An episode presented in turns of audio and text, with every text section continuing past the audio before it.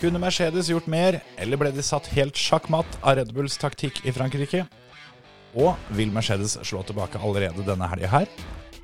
Safari Rally er tilbake på VRC-programmet etter 19 års pause. Husker du hvem som vant forrige gang? Har Hundai fått orden på bilene, slik at Tanak endelig skal få sesongens første seier?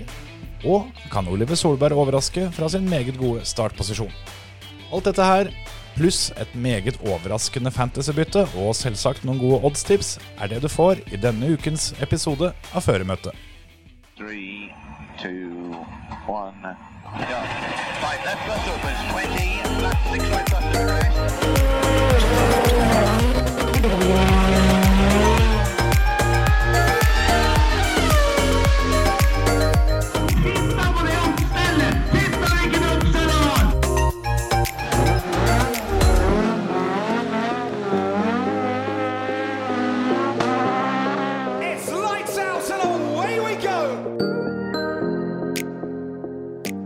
Velkommen til en ny episode av Førermøtet. Da er det nok en dobbel raceweek, Terje. Det er det. Det er deilig.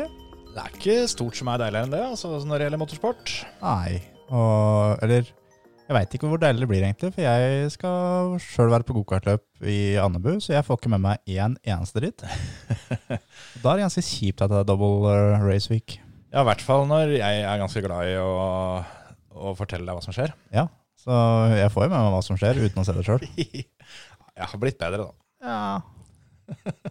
Det kommer seg. Det kommer seg. 10-15 år til, så tenker jeg det, at det sitter. Det er godt. Nei, det er, eh, det er spennende å se på løp, men det er enda mer spennende hvis du har noen å, å diskutere det som skjer underveis med. Ja, det er det. Så um, vi får vel begynne med forrige helg, med det som har skjedd. Ja. For eh, det var jo da Formel 1-løp på Paul Ricard i Frankrike. Yep. Som er kjent for å tilby et gjesp av et, eh, et løp. Har gjort det ganske mange ganger før. Yep. Og det så i grunnen ganske lenge ut til at det var det som skulle skje i år òg. Det var litt action i starten når, eh, når Verstappen eh, kjørte av mellom sving 1 og 2 og, og ga fra seg ledelsen. Men når det roa seg litt, så var det lang rekke og stort sett halvannet sekund mellom hver eneste bil. Så da tenkte jeg at ja, ja. Ja, men eh, det skjedde litt mer bak i feltet. da. Ricardo eksempel jobba seg jo ganske bra oppover i, i feltet der. Ja, Så, men akkurat i front så var det litt rolig, det var det jo. Men eh, sånn rundt mellom fem og ti så skjedde det jo lite grann. i hvert fall fra de begynte å bytte litt dekker. Ja. Når, eh, når Luigi var på jobb. yep. Bytte dekker. Da ble det Da ble det ordentlig artig. For det Idet Verstappen gikk inn, så var han da så vidt over tre sekunder bak Hamilton.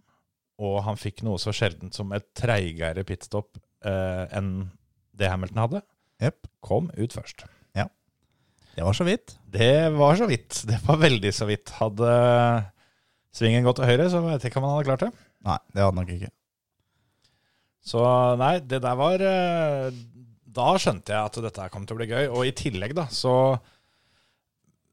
så syns jeg det var kult når, når Hamilton holdt, eh, holdt trøkket oppe. For det, veldig ofte så, så er det jo bare ei runde eller to hvor, hvor de ligger og jager, og så, og så går de litt eh, bakover for å få litt bedre luft og bedre kjøling og sånn. Mm. Men her eh, var det full attakk. Altså. Han venta bare på at det skulle komme en feil. Ja. Men det var, det var jo da Max Verstappen som stakk av med seieren til slutt. Og fordi at de nå var det Mercedes som ble lurt, rett og slett. Det, det var de som ga fra seg, ga fra seg en seier her nå. Og ble tatt på samme taktikken som de lurte Red Bull med i Barcelona. Ja, Det var en uh, grei payback, det, altså. Ja. Og det som overraska meg litt, jeg er fullstendig klar over at Perez var der, og Perez uh, kjørte langt uh, første stintet sitt. Men både Hamilton og Bottas sier ganske tidlig at uh, de dekka her kommer ikke til å gå så lenge som dere har lyst til at de skal gå. Nei.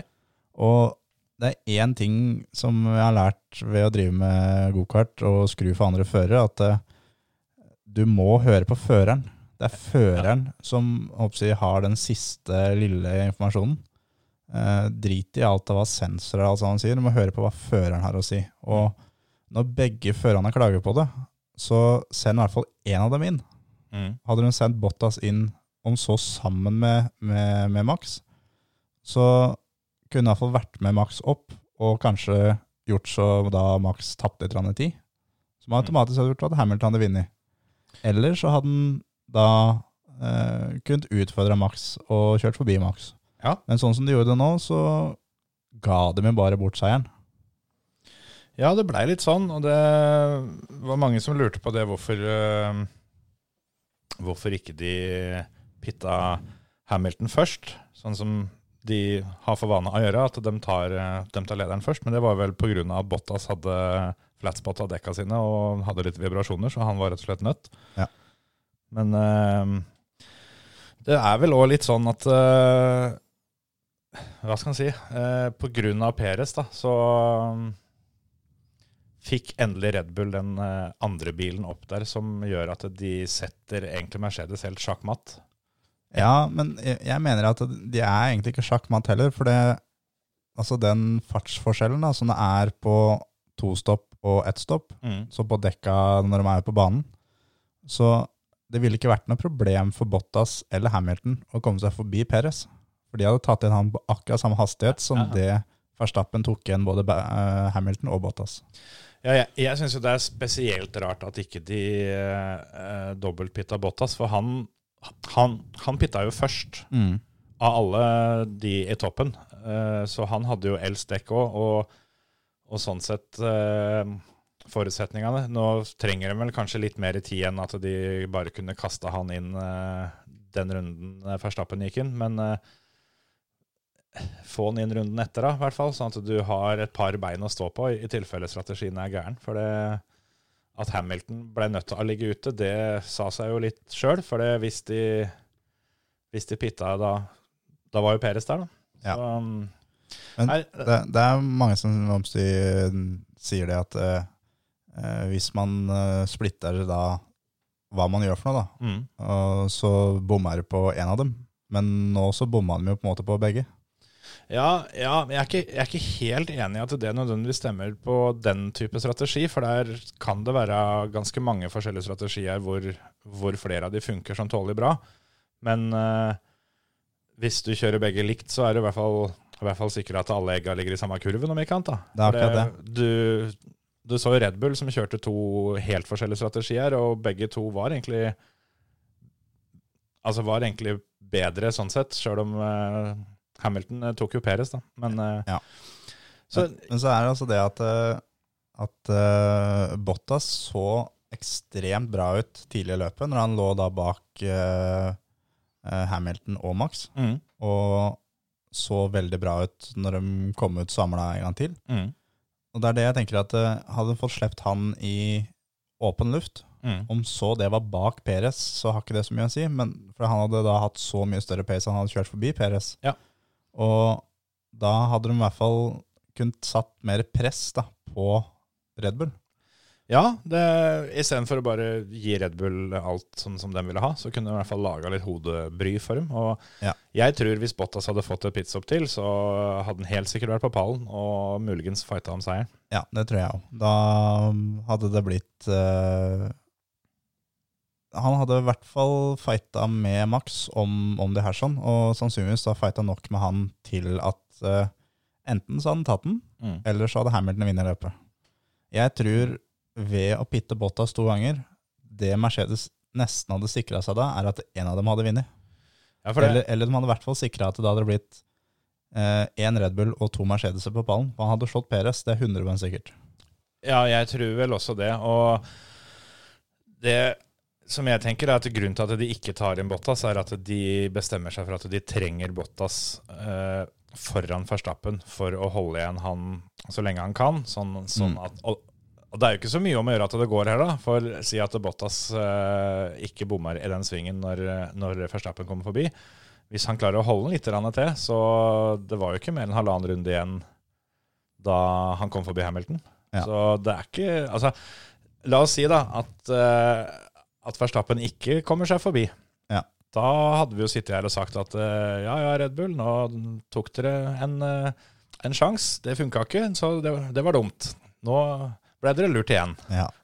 Men jeg tror fortsatt vi har nesten sittet her og sagt at to stopp var den smarteste strategien. Ja. For det, og særlig, Vi så det egentlig nesten allerede på kvalen nå, at eh, Mercedes var veldig bra i sektor 1, hang med sånn tålelig sektor 2, Ja. tapte sektor 3.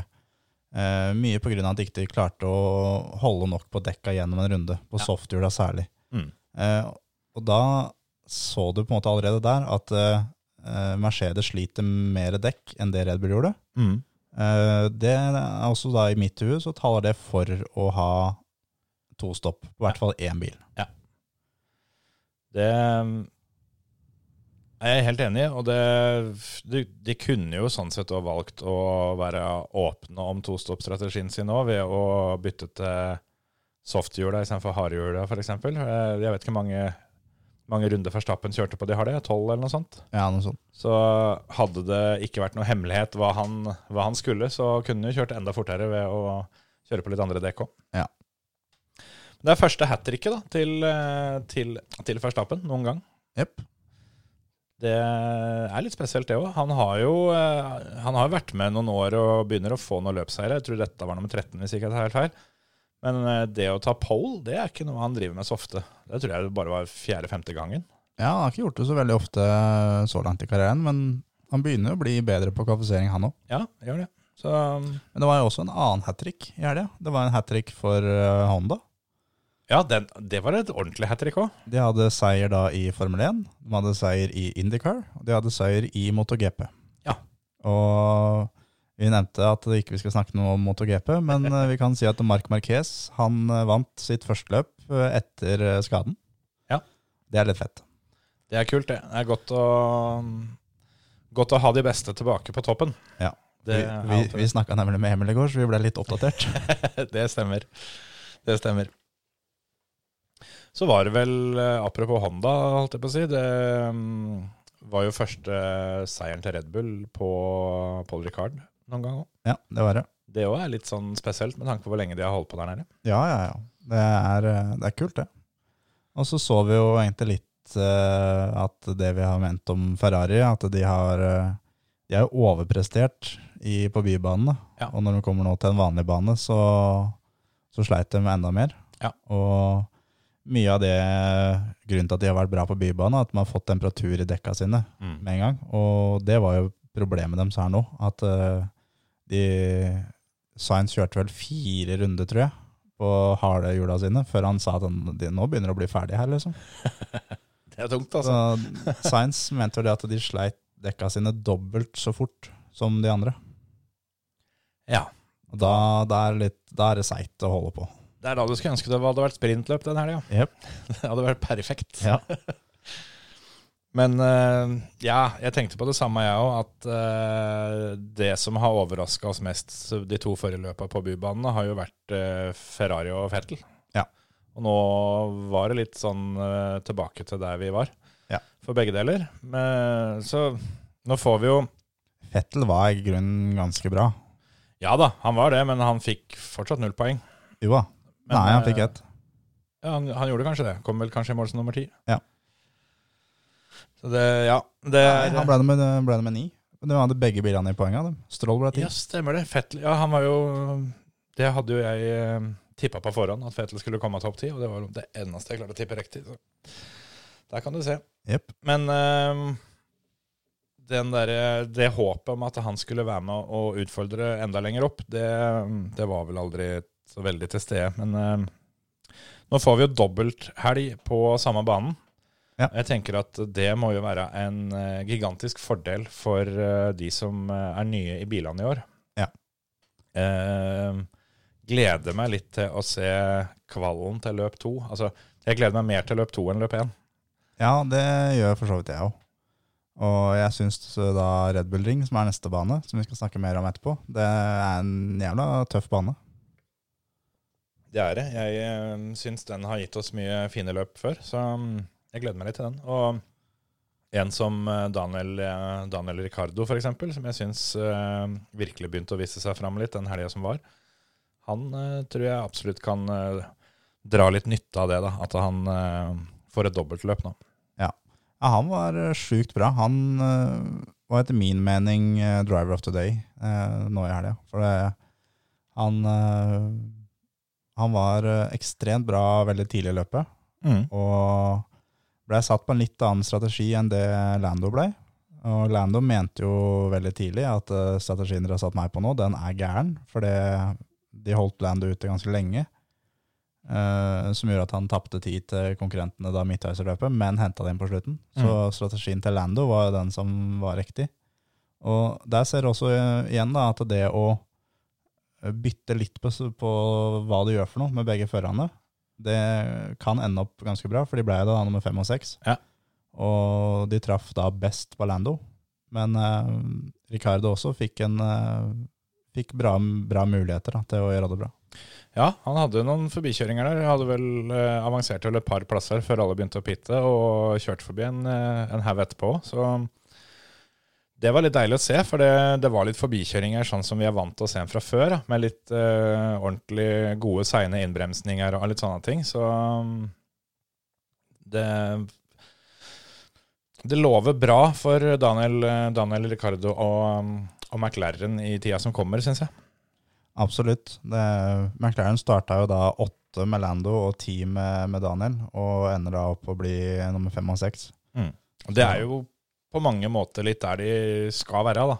Ja, Da er det to Red Buller og to Mercedes foran dem. Så de gjør et så bra løp de kan gjøre, med at eh, de fire foran kommer til mål. Ja. Alle 20 kom til mål, faktisk. Yep. Ikke noe safety car, ingenting. Og jeg har egentlig tenkt litt på det siste løpet, at det, det skjer litt mindre i år. Jeg vet ikke om uh, førerne har fått noe beskjed om at eh, det er det er um, dette budsjettaket og sånt, at uh, vi må spare litt penger. Men eh, det er generelt sett uh, Jeg syns det har skjedd ganske mye så langt i år. da. Ja, men det, er ikke, det har ikke vært så mye sånn avkjøringer og så mye, så mye, så mye brutteløp og sånt som vi har sett før. Det har jo stort sett skjedd på hvert eneste løp før. Ja, vi hadde jo Russell mot Bottas på Imola, Ja, ja. som kosta noen millioner. Og så har vi både Stroll og Verstappen i, i Baku. ja. Som er eh, det var jo det, det, noe det er fire knuste biler med ganske spektakulære avkjøringer. Men eh, ja. det er klart at i din bok så har jo, har, er ikke det så fælt. Stroll og Stroll av Verstappen var jo ting som ikke dem eh, kunne noe for, sånn sett. Eh, men at det har vært avkjøringer pga. at det har blitt kjørt for hardt eller for tett, så har jeg inntrykk av at det har vært veldig mye mindre av i løpet, i hvert fall i år. De har stort sett gjort unna på kvalen, en del av dem. Ja. Men eh, Men det er nok det at budsjettaka det har en del å si, tror jeg. Ja, det kan, det kan være en, en, en mulig forklaring, i hvert fall. Så får vi se. Jeg eh, Men Masbin har jo da vært involvert i et eller annet hvert løp allikevel. Ja da, han er jo med. Han, er jo, eh, han må jo få fram navnet sitt i avisa, han òg, som alle andre. Ja, ja, ja. Det er, han uh, tok jo en på Schumacher nå i helga òg, som han, uh, Ja, han eh, De lå vel da 19 og 20 og kjørte forbi Schumacher, som er teamkompisen sin. Eh, såpass at det var så vidt han klarte svingen sjøl, så Schumacher måtte da kjøre ut av banen og inn på banen seinere. Ja. Det er sånn, en sånn klassisk eh, masepin-forbikjøring. I hvert fall med tanke på den, eh, den situasjonen som de hadde helt til slutt i Baku, så virka det her som det var en sånn liten med det at eh, Ja, men jeg skal ikke gi meg av den grunn. Eh, Kjeft er gratis. Så jeg er her fortsatt. Og jeg er jo, har jeg nevnt det mange ganger før, jeg er veldig fan av forbikjøringer hvor du setter den føreren du kjører forbi i valget, at enten så trekker du det, eller så krasjer vi. Det er jeg veldig fan av. Men det er noe annet når du er sist og nest sist, og du er din egen teamkompis. Da er det liksom Da, da går akkurat den, eh, den regelen den går litt ut, syns jeg. Er det noe jeg har lært når det gjelder deg, så er det det at folk som begynner å kjøre sperrespor på tredje runden eh, i et langt løp når du ligger langt bak i feltet, De, der er det ikke mye kjærleik, altså. Nei, de, de går ut, for å si det sånn. Det, sånt noe syns jeg ikke noe om. Men det, det blir jo akkurat samme da, som at vi skulle kjørt et bilcrossløp, vi to. Og så hadde vi blitt uh, kjørt av i første svingen og vært nummer fire og fem Ja. ut på runde én. Ja. Og så uh, hadde du bare dælja på innsida der, sånn at du, enten så trekker du deg, eller så krasja vi begge to. Og Ja. hadde to vrak, liksom. Ja. Det gjør jo ikke det. Nei, det er noen år siden sist du gjorde det, i hvert fall. Ja, det er noen år siden vi kjørte sammen. Det er sant, det. Nei, det er, eh, det er eh, litt eh, spesielt uh, opplegget mellom de gutta der, altså. Ja. Nå kom jo Schumacher seg til, til, til Q2 denne gangen, da. Sjøl om det var, var jo litt uh, tilfeldig. Ja. Han Da han eh, ble saved by the bell, eller eh, the red flag, som det heter. Ja, som han forårsaka sjøl. Ja. Så um, alle de som spekulerte i om eh, Charles Leclerc gjorde det med vilje i, i Monte Carlo, burde jo stille samme spørsmål nå, kanskje. Ja. Men det er jo si Has de blir 19 og 20 nesten uansett, så det, om Ja. han hadde starta fem, hadde fortsatt blitt nummer 19. Ja. Has-bilen i år er jo sånn som Williams var i forfjor, på en måte. Det, det er den dårligste bilen, og det er ikke noe spørsmål engang. Nei. Så de kan kanskje være med å yppe litt her og der i starten, og sånt, men eh, når du får kjørt en 50-60 turer rundt den banen, så skal de være bakerst. Ja. Men det er genialt. Det er sånn for Schumacher sin del å kjøre og få erfaring og lære seg alt som har med Formel 1 å gjøre. Knapper på rattet, Mm. eh, alt sammen. For det greit at den bilen går sakte i forhold til de andre, men det går fortsatt styggfælt. Ja. Og han kjører fortere enn alt annet her i verden. Ja, det, det er akkurat det. Og nå får han eh, Nå får han samla seg erfaring uten at det er noe som helst press. Det er ikke noe forhåpninger. Altså det eneste mm, oppgaven han har sånn sett, er å, er å slå teamkompisen sin. Og det ser jo ut til å skulle gå ganske greit. Så mm, Ja. For Schumachers del så er jo dette her egentlig en, eh, en eh, veldig fin debutsesong. Ja, men jeg tror han går vekk fra Has neste år. Jeg tror han går til Alfa Romeo. Eh, både fordi at eh, eh, både Mick, men også alle sammen rundt den i managementet hans, eh, og også Ferrari, eh, de vil ikke bli sammenligna med Maspin. Nei, jeg tror kanskje de to står så langt fra hverandre på ganske mange områder som det er omtrent mulig å komme. Det er eh, litt sånn som eh, Colin McRae og Carlos Sainz når de kjørte rally for Ford. At det var to helt forskjellige typer. Ja, motpoler. De uh... Ikke det at jeg sammenligner Carlos Sainz senior med Maspin her, det er ikke, Nei, det, nei, det, er ikke det jeg driver med. Nei, Men, uh... på, på, på ingen som helst måte. Men uh, det er vel Det kan vi heller Altså i, i den grad noen skal sammenlignes med, med Skal sammenlignes med Maspin der, så må det jo være Colin. For det, han andre er ordentlig og gjør ting by the book, mens eh, en av dem han eh, tar det litt på støvelen. Ja. Men apropos forbikjøringer, eh, som vi var inne på. Jeg tenkte det, Hva syns du om eh, forbikjøringa eh, til Verstappen helt på slutten der? Ikke nødvendigvis fra Verstappens side, men hva syns du om forsvaret til, til Hamilton? Jeg eh, diskuterte det her med Olav, faren til Emil, Ja. eh, i går. Eh, han, det beste han veit her i verden, er jo forbikjøringer. Ja, er, er ikke det noe som er gjengs for oss alle? Jo, jo, men uh, oppsi, en eh, skikkelig god forbikjøring, det, det er ingenting som slår det. Det er jeg egentlig litt enig om. Men, Men, men som han sa, da, at uh, her er det en som er uh, regjerende verdensmester. Han er liksom sett på som den beste av dem alle. Ja. Uh, det er litt over ei runde igjen, og så forsvarer han seg på den måten. Ja. Er det en som burde være vant til å forsvare seg og veit akkurat åssen han skal gjøre det for å komme best ut av det sjøl, så er det jo han. Mm. Men han gjorde det jo egentlig på den dårligste måten han kunne få gjort det.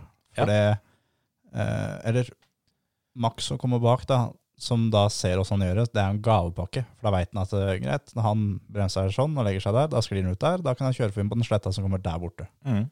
Så det er liksom Jeg ble, ble litt skuffa der, sånn. Men eh, Max hadde så mye mer, eh, mye mer fart at han hadde kommet forbi uansett, tror jeg. Men Hamilton kunne gjort det litt hardere for han. Ja, det, jeg tenker litt sånn at uh, det var jo det vi tenkte i for det første løpet i Bahrain. Mm. Så var det også sånn at da kom jo han bakfra og hadde veldig mye bedre fart og ville komme forbi uansett. Men så var det jo da én tur uti, uti driten og få, og få fylt dekka med litt gummi og sånt. Så var det ikke så lett å komme forbi allikevel. Nei. Og det er det jeg tenker nå, at jeg jo tror det at det var en eh, kamp eh, som ikke nødvendigvis var tapt, men som var ganske håpløs. Ja. Men det går an å prøve, for det, det er mye rart som kan skje.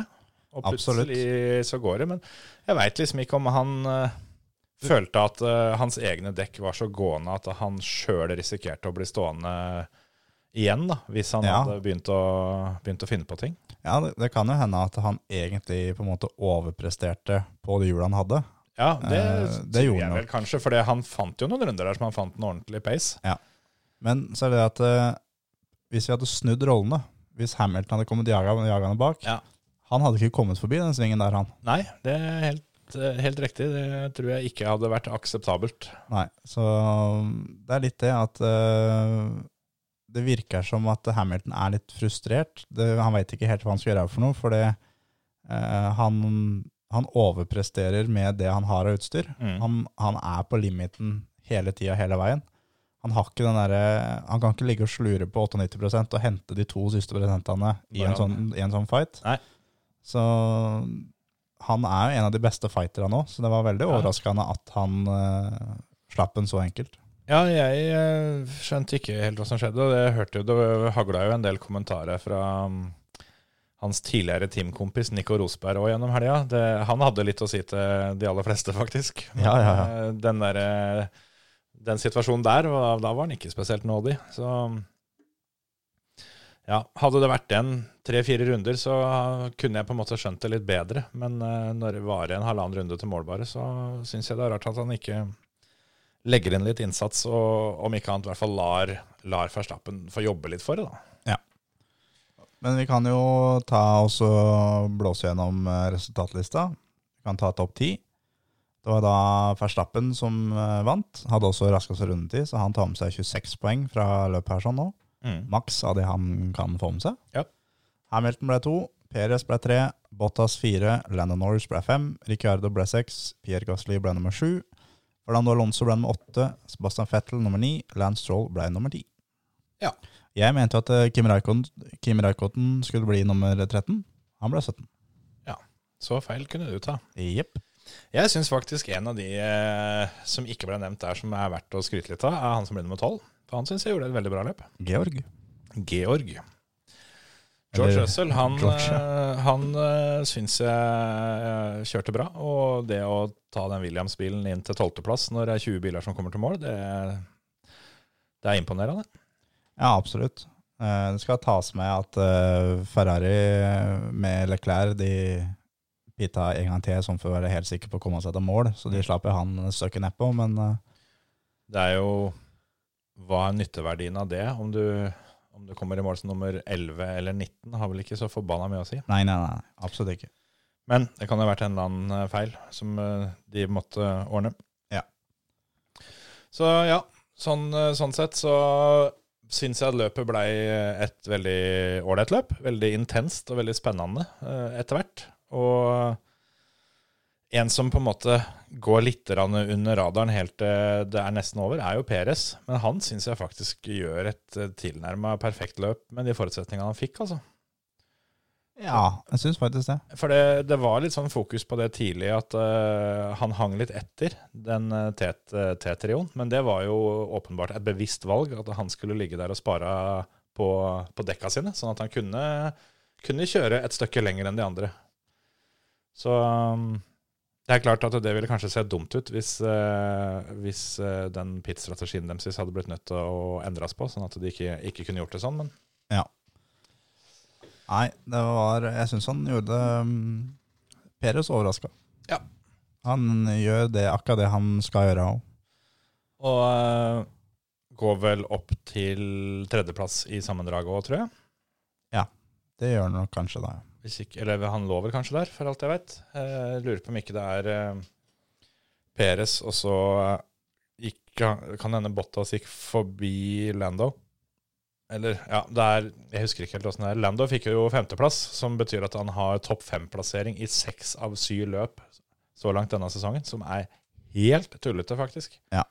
Totalen eh, for VM er Verstappen, Hamilton, Perez, Lando, Bottas, Leclerc, Sainz, Gasly, Ricardo, Fettel. Ikke sant, ikke sant. Så Lando er den eneste som, um, som har tatt poeng i um, alle løp Ja. så langt i år. Det hadde vært et uh, spenstig tips hvis du før sesongen hadde sagt at han kommer til å komme av topp fem seks av de sju første. Ja, Det hadde det. Skal vi strekke på beina og så ta hva som skjer til helga? Det gjør vi. Du hører på Førermøtet, Norges beste motorsportpodkast. Double header, som de kaller det. Eller triple header, har de vel også sagt, siden det er Formel 1-løp tre helger på rad. Jepp. Vi er ferdig med den første. Yep. Nå er det Østerrike, Red Bull Ring. Eh, første løpet er vel Styria Grand Prix, og så er det vel eh, Austrian Grand Prix løp nummer to. Ja. Motsatt av det det var i fjor. Det er jo bare navn Ja, ja, ja. på det, men det er på samme banen, samme depot. Spiser på den samme restauranten på kvelden og driter på den samme dassen i to uker. Ja, ikke sant. Og eh, ja, den dassen har de sannsynligvis hatt med seg òg, så Meget mulig. Der kan du se. Det er, tipper jeg, Uten at jeg har sjekka det, så tipper jeg at det er likt antall runder i begge løpa, og det er egentlig en blåkopi. Ja, det er det. de kjører et løp, og så trykker de på reset-knappen og gjør det samme en gang til. Ja, det gjør de. Er det noen grunn til å forvente at ting skal være veldig annerledes enn det vi fikk eh, i Frankrike? Jeg tror jo at Mercedes eh, blir bedre og bedre og bedre og bedre mm. utover sesongen nå. Eh, fordi at de, det er uaktuelt for dem å eh, bli pissa på, sånn som det de blir. ja. Eh, de er nødt til å finne noe fart på langstrekkene, så de går rett fram. Mm. Eh, og sjøl om de da nå drar, drar fra Frankrike og rett til Red Bull Ring, så betyr ikke det at de har fri på fabrikken. Og det er sånn at nesten uansett hvor de er i verden, så kan de få deler ditt over natta. ja. Og så blir jo Det blir jo jobba en del i eh, i å si, simulatorer og en del sånn datajobbing for å utvikle bilen sånn sett. De har jo ikke lov å bruke så mye vindtunnel og sånne ting som de vil, eller eh, sende testsjåfører ut på banen med et backup-chassis og sånne ting. Mm. Men det blir jobba likevel. Nesten alle førerne er nok sannsynligvis da på fabrikken um, og har vært der nå for å kjøre i simulator Mm. og teste bane og oppsett og hva de tror nye deler som de da kan få inn i simulator og uh, bruke der sånn, og teste ut sånne ting. Og garantert at, at Mercedes er eh, De er på jobb om dagen, altså. Ja, det tror jeg. For det, er, eh, det var vel at i DRS-en bak Red Bull så var de tre kilometer kjappere når Red Bull ikke hadde DRS. Ja. Da er det noe, rollen er på en måte snudd da. Red Bull har aldri vært raskest rett fram. Nei. Nå er de raskest rett fram. Og Red Bull Ring er en bane som det kan være litt kjekt å være raskest rett fram. Ja, det er det absolutt. Og jeg tenker litt det at eh, Vi har jo snakka om det før, òg, at det ser ut som at Mercedes har eh, knekt noen koder når det gjelder det å kjøre bak andre biler. Ja, det har de. Men det ser jo ut som at det kanskje kan ha gått på bekostningen av toppfarta rett fram. da. Ja. At de, de må fortsette å jobbe litt der for å finne den perfekte balansen. Ja, Og når du har fører som Hamilton og Bottas, så de er ikke fornøyd før de er best. Nei, selvfølgelig. Og da blir det stilt noen krav eh, fra dem og at de må, de må jobbes på da, for Mm. å få det her eh, opp og gå igjen. Og det tror jeg at de kommer til å, kommer til å klare, eh, i hvert fall til løp nummer to. Mm. Eh, Jeg tror nok eh, kanskje at de er der nesten på løp nummer én òg, men eh, jeg har jo fortsatt Red Bull som favoritter. Ja, vi trodde jo absolutt at Mercedes var store favoritter til, til forrige løp i Frankrike. Ja. Men der, og der var jo Bottas så best da, helt til kvalen. Ja. Da dukka både Hamilton og, og, og Verstappen opp. Så det blir litt spennende å se. Men det er jo Altså Det er jo en bane som er på mange måter forskjellig, men de er, de er, de er mer like da enn det vi har hatt tidligere i år, når eh, vi skal fra en bane til en annen. Ja. Jeg eh, har litt trua på spesielt McLaren, for de var veldig bra der i fjor da. Eh, for de som, de som eh, ikke husker tilbake til det, så var jo det sesongåpningsløpet i fjor. Eh, hvor på det ene løpet var jo da hvor Lando Norris eh, hadde den sinnssyke siste runden sin og tok eh, tredjeplassen fra Hamilton, som hadde tidsstraff. Lando tok sin første pallplass. Ja, det var kanskje det. Ja. Der kan du se. Jeg, eh, apropos tidsstraff, så fikk jeg vel eh, også med meg det, at det var grunnen til at de ikke tok inn Bottas for å sette kjappeste runde på slutten av det løpet som var nå. Fordi de forventa og håpa at Perez skulle få fem sekunders straff Ja. for forbikjøringa han hadde på Bottas. Ja. Viste seg jo å være litt teit uansett, i og med at de kom i mål mer enn fem sekunder bak, bak Perez. Så, yep. så uansett så gikk jo det der til helvete. Yes. Altså, I fjor, da når de var på Red Bull Ring, så Lando ble nummer tre i det første løpet.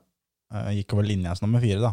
Eh, og ble nummer fem i løp nummer to, bak to Mercedeser og to Red Buller. Ja.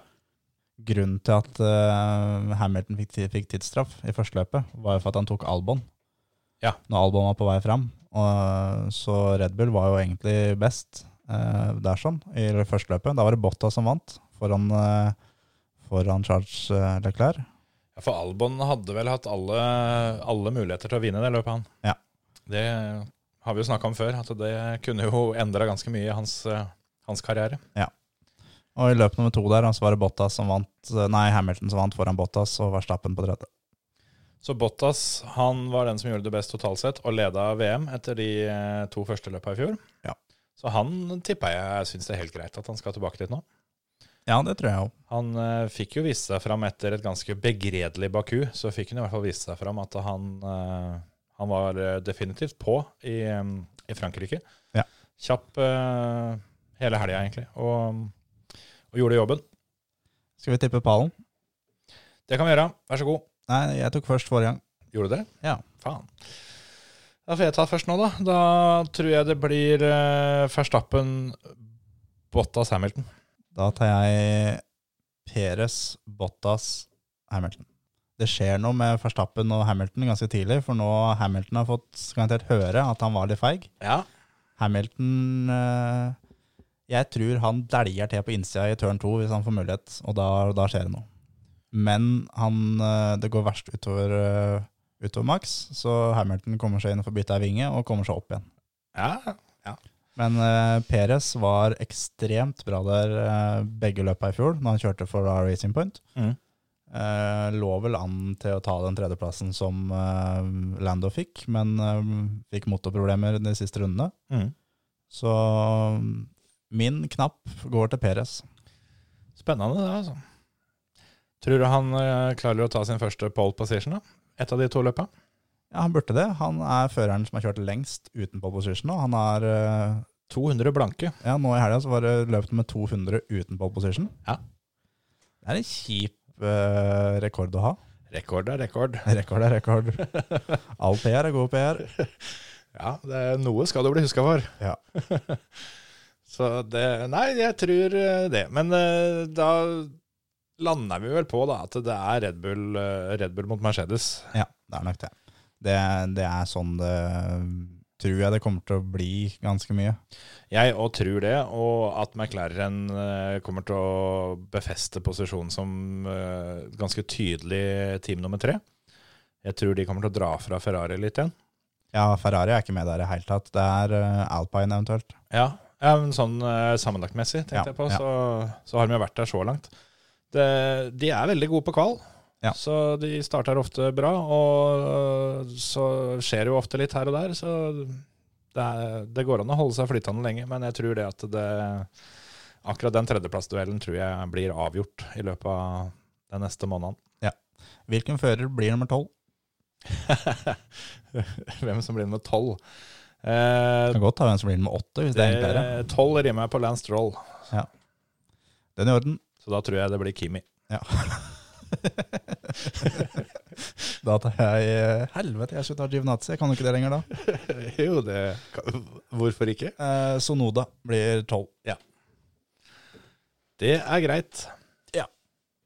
Skal vi um, gå videre fra asfalt? Er vi ferdig med hva som skjer i Formel 1 til helga nå? Og så kan vi gå hva som skjer i um, World Rally Championship. Greit. For det er jo safarirally. Det er safarirally. Endelig er vi tilbake igjen. Jeg lurer litt på om det er 19 år siden sist. 2002 var siste gangen eh, det var VM-runde der. Blir vel fort 19. det. Ja, fort det. Da var ikke du gamle terpen. Var ikke det? Det var altså et Jeg var 11. Ja. Måtte jeg tenke, faktisk. 2002 minus Ja. 91. Det blir ja. Ja, for det, du tok ikke det at, det at du faktisk er et rundt og fint tall nå, at du tok det minus 19. Det var ikke, det var ikke den veien vi skulle gå. Nei, nei, nei. nei. Nei da.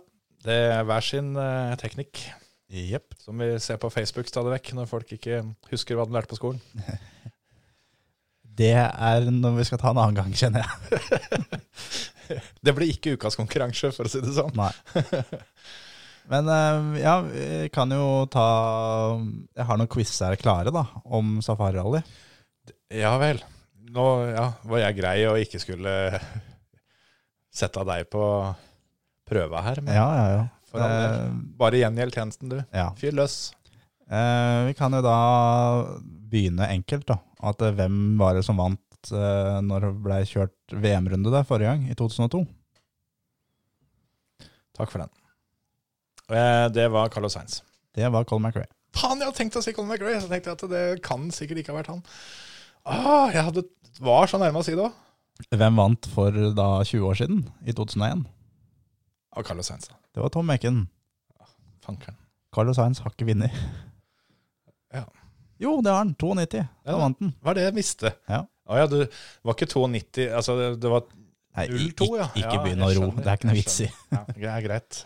Ehm, når eh, ble det siste Safari-rally arrangert? Altså, det har blitt kjørt, men det har ikke vært EM-runde. Når var det siste gangen? Som det har vært et løp som har hett Safari-rally, men bare uten VM-statusen. Ja. 2014. 2019. Det ble avlyst i 2020 pga. covid. Ellers har det blitt kjørt hvert år Ja, siden Jeg jo at det 1953 var første gangen. Jeg visste jo at det skulle vært kjørt i fjor, men ble avlyst. Men jeg trodde også at i fjor sa- var litt comeback i år. Men eh, det var jo bare for VM. Ja. Så Greit. da den 68. versjonen av Safari Rally ble avlyst, så det er da 68. versjonen av Safari Rally vi får nå. Flott. Men da den siste, det siste spørsmålet, og det mest vanskelige eh, Når var det sist en ikke-kenyaner vant? Og hva heter han? Vi veit vet jo da at Carlos, nei, Colin McRae vant i 2002. Ja. Skal du svare det? ja. Svaret er feil. Det var rart, siden du spurte på den måten. Men Ja. jeg hadde jo ikke noe ja. Nei, da var det 2007, da. Det var 2017. Det var uh, Tapio Laukanen fra Finland. Fint for han, det. Det utnytta han godt og ble en verdensstjerne etterpå. Ja. Konrad Rautenbach i 2007, han, uh, Var ikke kenyaner, han heller. nei, han. Han kjørte det VM-runder. Han var jo litt med og jobba. Så jeg hadde rett at i 2007 så var det en ikke-kenyaner, da. Det er korrekt. Ja, jeg er på ballen. Ja. Men da er lista mi tom over fakta over safari-rally. Ja, der kan du se. Da Da, vi, vi kan jo ta med at vi dreit oss ut forrige uke med å si at Oliver Solberg skulle kjøre R5. Det kan vi gjøre, for det oppdaga vi egentlig ganske kjapt etterpå. At der, eh, der bomma vi oss eh, ut ganske greit. For det, han skal kjøre VRC. Men det var kanttreff høyre, for det var han skulle kjøre. Ja, han skulle kjøre. Og eh, vi holder døra litt åpen for at eh, far Hasses eh, skal være med òg. For han har vi jo sett på Facebook nå, at han har pakka fram den gode gamle Martini Ford-jakka og hengt seg med på turen og spurt Adamo om ikke han har en bil til han. Yep. Og den jakka er jo ikke bare en sånn jakke for gøy. Det var jo den vi kjørte i. For på den tida der sånn, så kjørte de da i shorts og T-skjorte. Eller shorts og jakke. For det var så inn i helvete varmt inni de bilene. Ja. Så det er faktisk oppsi, på en måte kjøredressen hans fra safarirally. Ja. Som det, Det- står Thomas Rådstrøm på. ja, det er jo nesten det beste. Jo, apropos det, det leste jeg. For det, Petter Solberg kom jo da inn og skulle kjøre safarirally fordi Thomas Rådstrøm knakk beinet. Mm. Veit du åssen Thomas Rådstrøm knakk beinet det året der? sånn? Eh, svaret er Colin McRae. Ja, Colin McRae tok en hockeytakling på han i fylla. Ja, Og det er det ingen som har fått vite før nå. det har vært uh, tyst ganske lenge. Så, men jeg, jeg kan ta en eh, quiz til deg, da. Tilbake. Sånn for å ta igjen. Hvis jeg sier Sobislav Sasada, hva tenker du da? Eh, han eh, 91- eller 92-åringen som skal debutere i VRC nå, som skal kjøre i VRC 3, vel? Eh, ja, det skal han. Blir han den eldste noen gang. Ja, det skulle faen meg bare mangle når det har passert 90. Men hvem har, har rekorden for den eldste deltakeren eh, før han eh, drar av gårde på SSN til helga? Oi. Er det en kjent en, eller er det en sånn totalt random? Eh, nei, eh, mer det første enn det siste. Men eh, det er langt ifra sikkert at du veit hvem han er. Altså, det, Det første jeg tenkte på var Didier Oriol. han var gammel. Han var gammel, ja. Og sinna. Ja, veldig sinna. Eh, Grønholm kjørte noe for ikke så lenge siden. Langt ifra så kjent. Ja, ja, ok. Nei, da Men han er norsk, skjønner du. Det er derfor jeg tenkte at det kan hende du norsk. kjenner til ham. Men uh, det kan hende du ikke gjør òg, for all del. Nei, nei, jeg mener pass. Det var eh, en VM-runde. Han kjørte da i 94 i Monte Carlo Rally. Det var Malte Jensen? Nei, men det Altså, han var 82 da løpet begynte, og 83 da løpet ble ferdig. Så det, men det var ikke fordi at han brukte fire måneder på å han komme var til mål. 82 når løpet begynte, men han kom dessverre aldri hjem. Nei da, nei da. Eh, kjørte en eh, Volkswagen Golf GTI 16-ventiler. Leif Wold Johansen. Ja. Så um, Gratulerer til han. ja, for all del. Det, så da, da ryker den rekorden nå, da. Jeg gjør det. Uh, 91-åringen skal kjøre, men uh, det, apropos om han er kjent eller helt random, for, det, for de som uh, har vært med i gamet veldig lenge, så er jo Sobislav Sasada uh, absolutt ikke noe random. Nei. Men da, da skal det ha vært med til nå, Skal altså. ha vært med litt lenger enn oss. Ja, Men uh, han har blitt uh, europamester to ganger. Tøft. Se for meg han der, der som sitter hjemme og oppsi, nå begynner livet å gå mot slutten, som det da gjør i den alderen der, og tenkte at det, hva faen skal jeg gjøre for noe med alle de pengene og den tida jeg har? Jeg har jo tid til å gjøre absolutt alt jeg vil. Ja. Jeg har for mye tid til overs. Ja. Nei, jeg ringer Malcolm Wilson, og så øh, vi, vi får kjørt det safari-rally. ja. Ja. Sånn skal jeg bli når jeg blir gammel. Han uh, har jo kjørt safarirally før. Det er vel det sjette um, eller sjuende VRC-løpet hans i Sever. Han, er han en favoritt, da.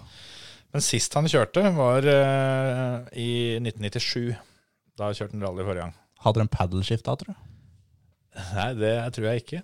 Men uh, veit du hvilket løp han kjørte sist han kjørte da, i, i 97? Safari? Det er riktig.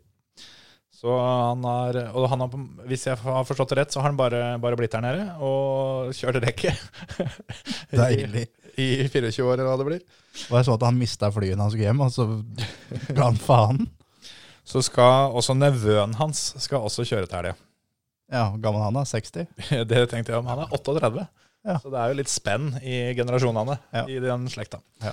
Så det er eh, definitivt en fyr jeg ikke skal ha på fantasy-laget mitt. Nei, ikke jeg det. Men jeg eh, håper han kommer til å gjøre det bra. Jeg har lyst til å ha han. Jeg har så sjukt Hvis det går an å ha han, så skal jeg ha han på fantasy-laget mitt. Ja, nei, Rally 3 er nok ikke med. Men eh, jeg tenkte nemlig på det samme når de kjørte i Portugal. For da kjørte jo Andreas Vias Boas.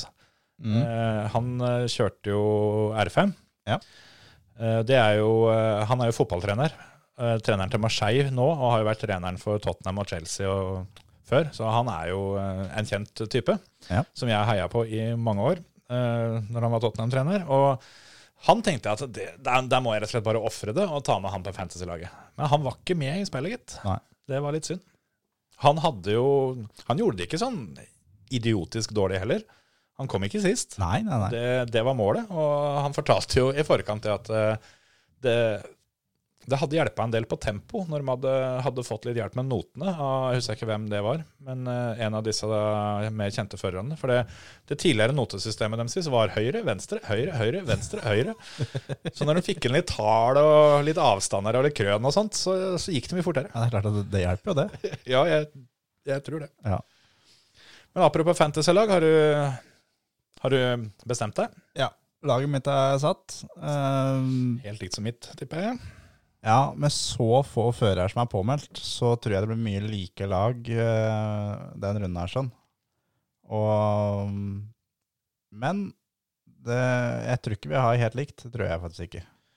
Nei, det For, for dere da som har lyst til å være med, så er det da fantasyvrc.com, og lag dere et lag der sånn. Gå inn på uh, Join League, og så er det liga-ID 44. Startnummeret til Hamilton. Jepp. Men laget mitt det er Tanak Evans, eh, Kalle Rovenpera, Katsuta, Oliver Solberg og Lorenzo Bertelli. Se det, da har vi faktisk to, eh, to forskjell. Jeg Jeg har regner med at du også har Bertelli, ja? Nei da, jeg har Adrian Formaux istedenfor Bertelli. Og så har jeg Sordo istedenfor Evans. Ja. Så det blir jo spennende. Da har vi jo litt, eh, litt forskjellige folk å heie på. Det er alltid gøy. Kan hende at Bertelli ryker, hvis jeg har råd til Formoe. Ja, 0,2 må du ha i banken da. Syns jeg du skal beholde den, for det er mye gøyere det når vi har forskjellige folk å heie på. Jeg har ikke råd til Bertelius. det går helt fint. Deilig. Da ble det Bertelli istedenfor Martin Prokop, i hvert fall. Ja. Nei, Sobislav Sasada, han går inn. Er han der? Han kosta 0,20. Han er på laget mitt. Han kjører for M-Sport Polen. Ja, men eh, ja, Jeg, Så ikke- kult. jeg har en øh, hva, hva, hva, hva, hva er hakket over oldefar? Hva er det da? Tippoldefar? Tippold, ja, han har garantert en tippoldefar. Jeg har han på laget. Som playboy derfra, vet du. Ja. Vært nede i Afrika nå siden 97 og kosa seg. Ja, nei, det er gøy, da. Det, vi har jo hatt en diskusjon mange ganger før om eh, Du har jo ment eh, opptil flere ganger at eh, denne gangen så blir det fint å ha med noe, ha med noen R5-biler, altså Rally 2-biler. Jeg har stort sett vært uenig i det. Eh, men at du nå skal, skal fleske til med en Rally 3-bil Ja, ja, men uh, når Jeg har ikke mer å by på, jeg, altså. Nei, nei, men uh, du har sikra plass på laget mitt hvis det er over 90. Ja. Faktisk. Ja, men fair. Helt fair. Ja. Du, på det der fantasy-greiene, det, det har jo jeg nevnt før, at det er, det er sånne fanleagues. Hvor, jeg- hvor jeg oppretta jo fanleague da for Eivind Brynildsen. Der har jeg fått med meg en til, men jeg får ikke, jeg får ikke gått inn og sett hvem det er. Men det er, det er en til som er med meg og har Eivind Brynildsen som sin personlige favoritt. Jeg tror ikke det er Sobislav. For han, han tror jeg har Doro-telefon. ja, det tror jeg òg. Men jeg tenkte. Kanskje han, i og med at han nå er lagt inn i spillet, kanskje du kan velge han som favorittføreren din? Og ha en fanleague for han? Jeg skal ha fanleague for Sobislav, øh, det kan du være helt sikker på. For det fanleague-greiene Jeg skal trykke opp klær og flagg og det som er. Ja. Holdt jeg på å si at hvis han vinner, skal jeg tatovere navnet hans på ræva, men øh, det kan hende at det er bare én deltaker. Så det, ja. jeg, jeg skal ikke tatovere navnet hans på ræva. Du kan få lov å bruke sånn, uh, sånn tatovering som går bort til en. Ja. Men eh, den tar du hvis han vinner. Ja, ja. Klassen. Ja, ja ok. Ja, For de over 90. Ja. Nei, nei, nei, nei, nei. Men øh, hva tror vi om Safari? Ja? Tror eh, det blir eh, ikke i nærheten av sånn som det var. eh, For de som husker åssen safarirallet var før, så, og på en måte gleder seg til det, de tror jeg blir skuffa. Ja. Men Før er, så var det litt sånn Du starter der borte ved den, den bjørka der sånn, og så Ja. kjører du nesten så lenge du gidder, og så ser du om du finner en fyr som står med da tidsboka sånn om Ja. 50 mil. De kjørte jo med, med luftinntaket opp på taket og bensinkanner og det som var, da, for eh, de visste aldri hva som helt skjedde. Eh, Og det var lange, sinnssyke prøver som eh, Det kjørte jo på steder hvor det egentlig ikke var meninga å skulle kjøre bil. De hadde også med seg våpen i bilen, Ja. tilfelle de stoppa der ikke de burde stoppa. Ja, for hvis du fikk en punktering og måtte stoppe og bytte dekk, så var det ingen garanti for at ikke det kom en løve, f.eks. Og Det er det faktisk ikke ennå. Det er ikke noen garanti Nei, der. nei, nei for, på ingen måte. Men uh, sjansen uh, var jo litt større før, når de skulle gjennom uh, Ja, nå skal de jo kjøre 336 km fart, hvis jeg husker riktig. Mm. Eh, forrige gang de kjørte løpet, så var det ca. 1000. Ja. Som er da tre ganger så mye. Men, og det har jo blitt brukt som et argument at dette her er ikke et ordentlig safarirally. Eh, men eh, som kartleseren til eh, Richard Burns Robert Reed. ja. Han poengterte det at eh, det å kjøre et safarirally med 1000 km var også ansett for å være en puslete utgave. For bare ti år før det igjen så kjørte de 3000 km fart. Ja. Altså 300 mil. Ja. Og det er klart at da er etappene noe lenger, og og det er litt lenger mellom folk. sånn at hvis det stopper eh, akkurat der, eh, akkurat der Mofasa ligger og sover, så kan du være i trøbbel. Hjelper ikke å hete Simba da, altså. Nei, det gjør ikke det. Så um, nå er etappene litt mer normal avstand og sånt, at de er overvåka mer av tida, så de har vel trua på at de fleste skal unngå å bli spist, i hvert fall. Det, det kan nok hende. Men det er mye ville dyr som de skal kjøre rundt. Sett noen bilder fra gjennomkjøringen her, sånn, og at det er eh, Det blir kult. Det blir noe annet enn hva vi er vant til. Og da for dere som har eh, begynt å se på rally nå i nyere tid, Mm. som ikke så det da i 2002 f.eks. Ja. Eh, dere vil jo synes det her er eh, noe helt nytt som ikke dere har sett før, mest sannsynlig. Ja, jeg, jeg tror det. Jeg har ikke fått helt oversikten over hva slags veier vi kan forvente oss, men at det blir litt annerledes, det tror jeg. Sjøl om eh, de som er de største kritikerne opp mot gode, gode gamle Safari, har jo ment at dette her er et vanlig europeisk grusrally, men det tror jeg er å pynte veldig på det. Ja. Uh, hvis det er det, så er det, det er med litt, sånn, litt spice. Det er, eh, det, er, blir det. det er noe eget. Det blir en litt sånn grov utgave av Hellas, f.eks. Sånn Ja. at det er enda mer stein og kanter og ting og tang. Ja. Men eh, et og annet, eh, et og annet vannhøl som de, de skal gjennom, det håper jeg fortsatt er. Ja. Og står det en flodhest der, så, så, blir, så blir den stående, den. Det spiller ikke så mye rolle hva du kommer med da. Nei, nei, det hjelper ikke en dritt. Skal vi tippe pallen? Ja, Du begynner igjen, du. jeg begynner igjen, ja. Så fint for meg, da. Kan si at det er ti VRC-biler. da. Ja. Jeg tror pallen denne gangen blir Ott Tanak på toppen. Det blir Ogier på andre, og det blir eh, Katsuta på tredje. Ja. Jeg tror det blir Tanak på første, jeg også. Så tror jeg det blir Evans på andre, Oliver Solberg på tredje. Ja. Jeg tenkte, tenkte litt på Evans, fordi han alltid er det, men så tenkte jeg at Ogier har så satans med rutine, og han pleier liksom ikke å kjøre sunn nå. Så derfor så, derfor så landa jeg på han. Og Katsuta tok jeg egentlig litt mer fordi at han eh, kjører sånn tålelig fort, og jeg forventer at Safari Rally fortsatt eter bil, sånn som i Ja. gamle dager. Så det, det skjer noe med noen. Men eh, hadde det skult eh, dømme det på rein fart, så hadde jeg ikke tippa Katsuta. Mitt sånn outside-tips er at uh, Oliver Solberg er uh, Hvis ikke han leder, så er han innafor ti sekunder til ledelsen etter dag én. Noe annet ville jo vært en katastrofestart, i og med at første prøve er fire kilometer lang. Ja, ja, men første ordentlige dag igjen. Og såpass, da begynner vi å snakke. Da begynner vi å snakke, for jeg tenkte etter eh, Det òg er jo da viktig å få fram til dere som hører på, at uh, vi håper dere hører dette tidlig, for det deadline for Fantasy-laget er eh, klokka åtte minutter over ett på den, altså i dag, i torsdag. dag. Ja. Og, Da er det første prøva. ja, og shakedown var i går. Shakedown var i går. Så normalt sett, siden ting, ting som var i går, det kunne vi prata om nå. Ja. Det kan vi ikke, for vi, vi er her på tirsdag. Ja. Men eh, Altså etter fredagen, det er det jeg mener. At etter fredagen så enten så Han, han er med i tetkampen, tror jeg. Eller Mm. jeg håper kanskje mer enn jeg tror.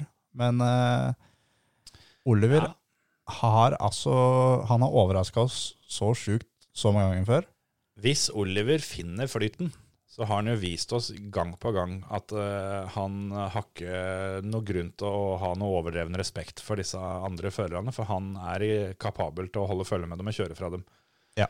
Det så vi i Finland, og vi har sett det i R5 gjentatte ganger òg, at han har kommet uh, og på en måte dyssa det ned, som er helt naturlig, og bare satt skapet på plass. Så han er styggrask når han eh, får det til å stemme. Så alt avhenger nok av det at han eh, finner flyten og klarer å klemme til litt. Ja.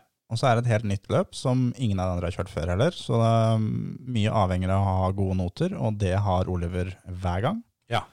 Så mm, det er mye som taler opp i hans eh, fordel her. Sånn. Og så tror jeg han eh, Han er veldig gira på å slå den femteplassen Petter fikk der første gangen han kjørte.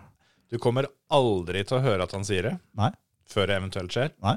Men eh, Det har de snakka om hjemme på kjøkkenbordet, det kan være 100% sikker på. Og Petter har mer enn eh, noen gang garantert gjentatt det at det skal du ikke tenke på. Ta det med ro, kom deg til mål, alt sammen. Og det er jo veldig todelt for Petters del, tippa jeg. At eh, på en måte så tror jeg han syns det ville vært eh, litt kjiperen hvis eh, Oliver eh, kommer topp eh, fire. På en annen måte så tror jeg han syns det er dønn i orden. Ja, ja. Helt dønn i orden. Så um, det der, der blir spennende. Og det var jo Safari Rally da, som uh, kickstarta WRC-karriera til Petter. Nå er det jo andre WRC-løpet til Oliver, så litt annerledes er det. Tredje. Han har jo kjørt WRC-bil et annet løp òg. Men eh, andre Ja, men løpet med WRC-bil i WRC. Ja, ja. Det, i VM. Ja, andre VM-løpet uh, i toppklassen. Ja. Så starter han jo starter han med sist, da. Så han har jo fantastisk utgangspunkt sånn sett. Han starter ti, og hvis veiene er sånn som det en skulle tro det er ned der, sånn, så det er mye, mye grus, så er det en gedigen fordel å starte ti. Ja. Men det er også å følge litt med på Sordo igjen.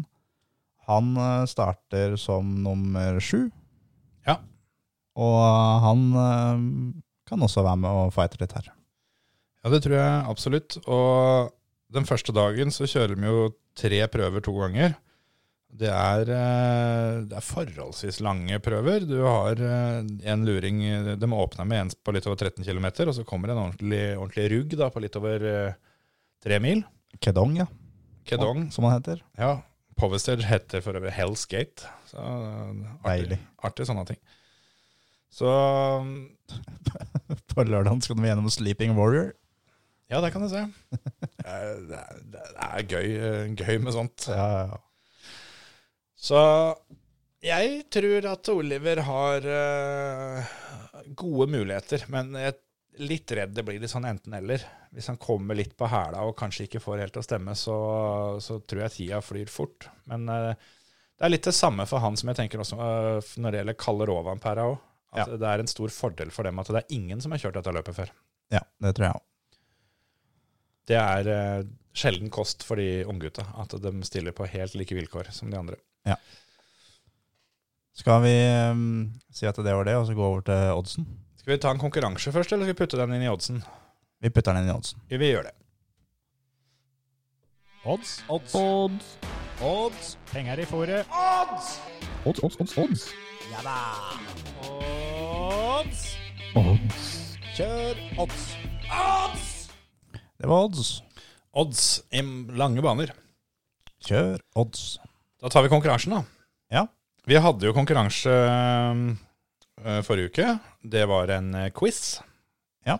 Hvor mange av fedrene til konkurrentene sine har Kimi Raikon kjørt mot? Altså da fedrene til konkurrentene i dagens, for, i dagens Formel 1-felt var jo det som var tanken her, da.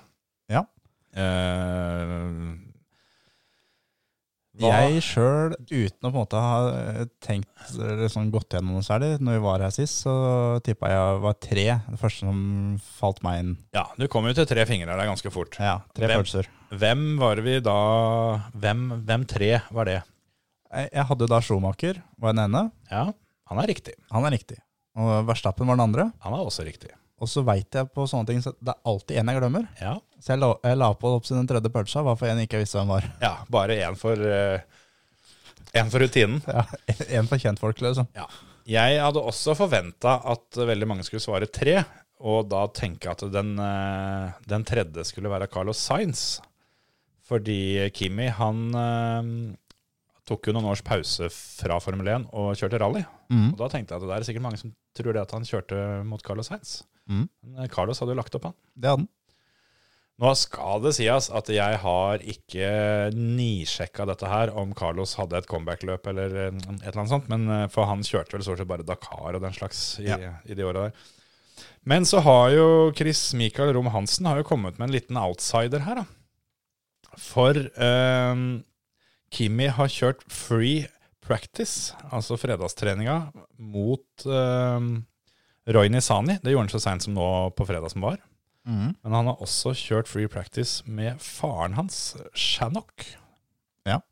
Men så er da Roy Nisani har jo Han er jo ikke en Formel 1-fører, på en måte. Han er en testfører. Ja. Så han teller jo sånn for så vidt ikke. Men jeg syns vi kan, for de som har svart tre, vi, vi kan godta det. Vi har bestemt oss for å godta både to og tre. Ja. Og det er også, for da legger vi inn en bitte liten margin for at det er et eller annet sjukt jeg har, jeg har oversett. Ja. Men uh, fasiten er i utgangspunktet to. Ja. Og, men vi syns også at uh, den infoen om at han har faktisk kjørt mot far og sønn uh, på trening, den, den er verdt litt, sånn sett. Ja, den er god. Så Der er du faktisk sterk. Veldig sterk. Så vi har uh, trukket ut mellom alle som har svart da to eller tre. Og vi har landa på at det er Per Arne Holt som vinner premien. Gratulerer. Flott. Trippel applaus. Får kjørt seg den paden i dag. Så da må du bare ta kontakt med oss, eh, så skal vi ordne bonus og premie og den slags. Det kan være greit å ha litt mat på Kulbeth-kontoen nå som det er dobbelthelg, for det er eh, mye å spørre på. Ja. Jeg Men, men før, vi går til det, når vi liksom er i konkurransemodus, så jeg har lyst til å fyre i gang en konkurranse til. Ja, det syns jeg du skal få lov til. Ja. For um, nå er det da Har vi hatt mye på Formel 1. Ja. Nå må vi ha en om rally, syns jeg. Ja. Så Og jeg er jo dritgira på uh, Oliver Solberg i VRC-bil. Yes. Eh, det tror jeg veldig mange andre er òg. Yes. Jeg òg. ja, jeg også. Eh, jeg syns at konkurransen skal være den som eh, tipper eh, nærmest eller riktig sluttposisjonen til Oliver i Safari Rally, Ja. får en eh, premie. Da syns jeg det er eh, Det syns jeg er en fin konkurranse. Så kommenter i kommentarfeltet, enten under episoden eller da i eh, eget eh, konkurranseinnlegg som vi legger ut. Ja. En av de to. Sluttplasseringa til Oliver Solberg og Totalplasseringa, altså. Ja. Eh, Så mm, det er, ikke, det, er i, eh, det er ikke i klassen, men Nei. totalt forløpet. Ja. Den eh, får da en eh, oddsbonus på Kulbeth. Ja. Vi ordner premier, og eh, såpass må det være. Jeg eh, må tenke litt på om jeg skal tippe med huet eller hjertet. Ja. Kanskje de to klarer å bli enige. Ja, Det hadde det det kan hende.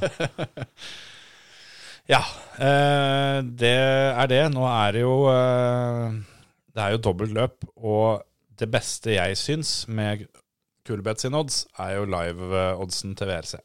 Det kosa jeg meg skikkelig med. Forrige VRC-løp så fikk jeg ikke fulgt med så veldig mye. Jeg havna litt på etterskudd og måtte se veldig mye av det i opptak, så da fikk jeg ikke spilt så mye live.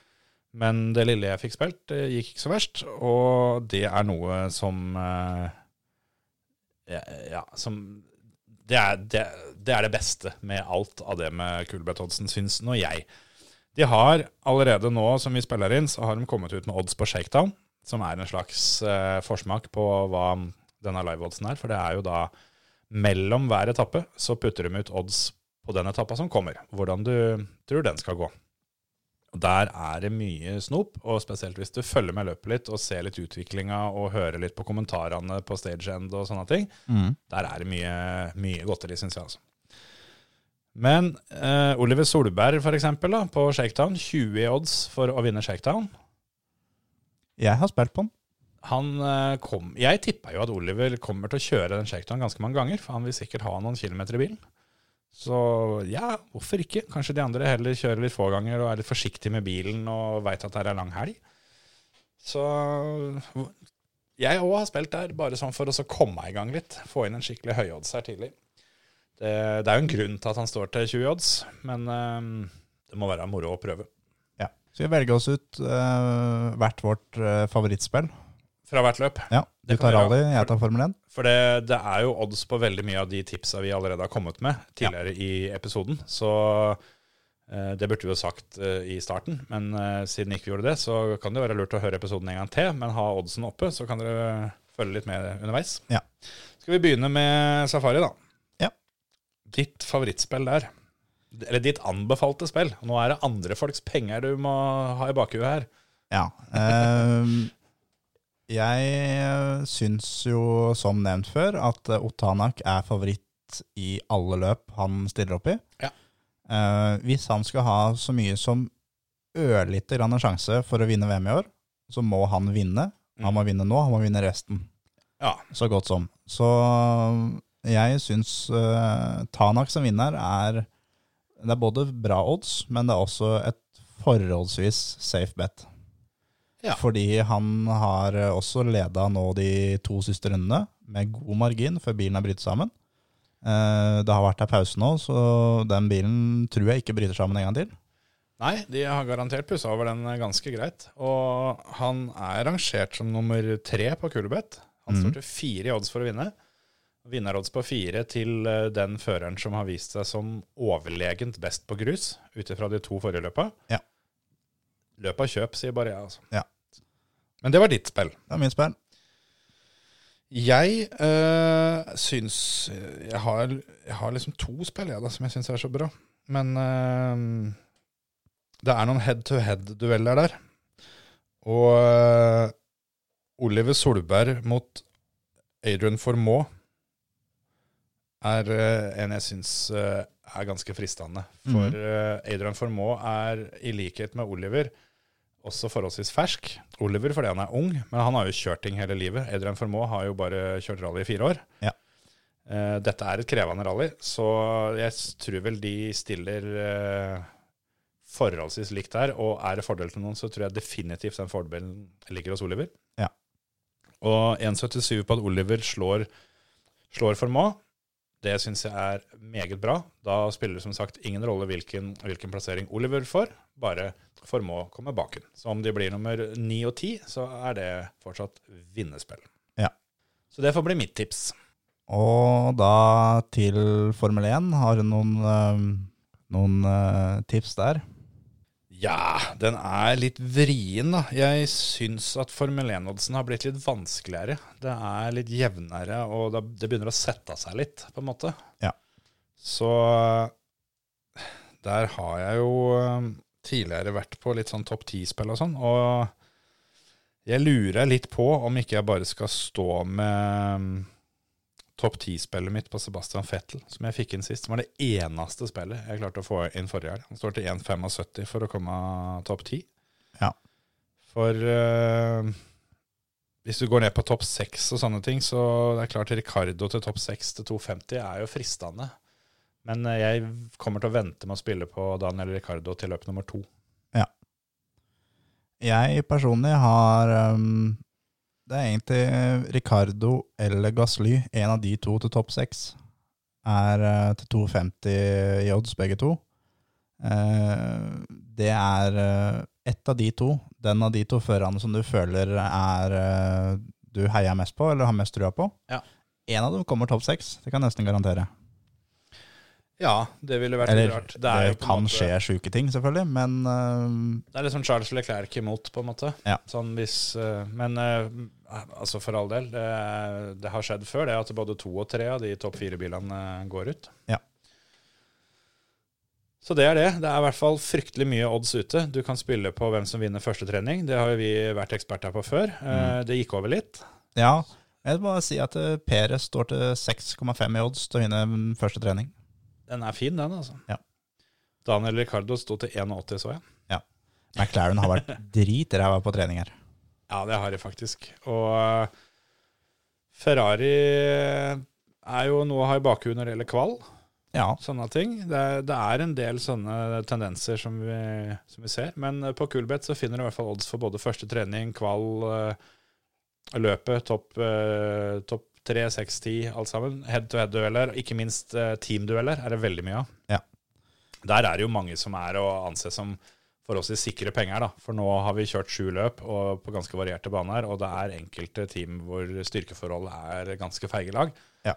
Så sjøl om ikke oddsen er sånn kjempesvær, så er det ja, forholdsvis eh, gode penger å ta med seg. ja, det er det. Skal vi si at uh, det var det? Da er det bare å kose seg i helga. Se på Ja, vi, vi, vi er nødt til å ta med en liten ting til.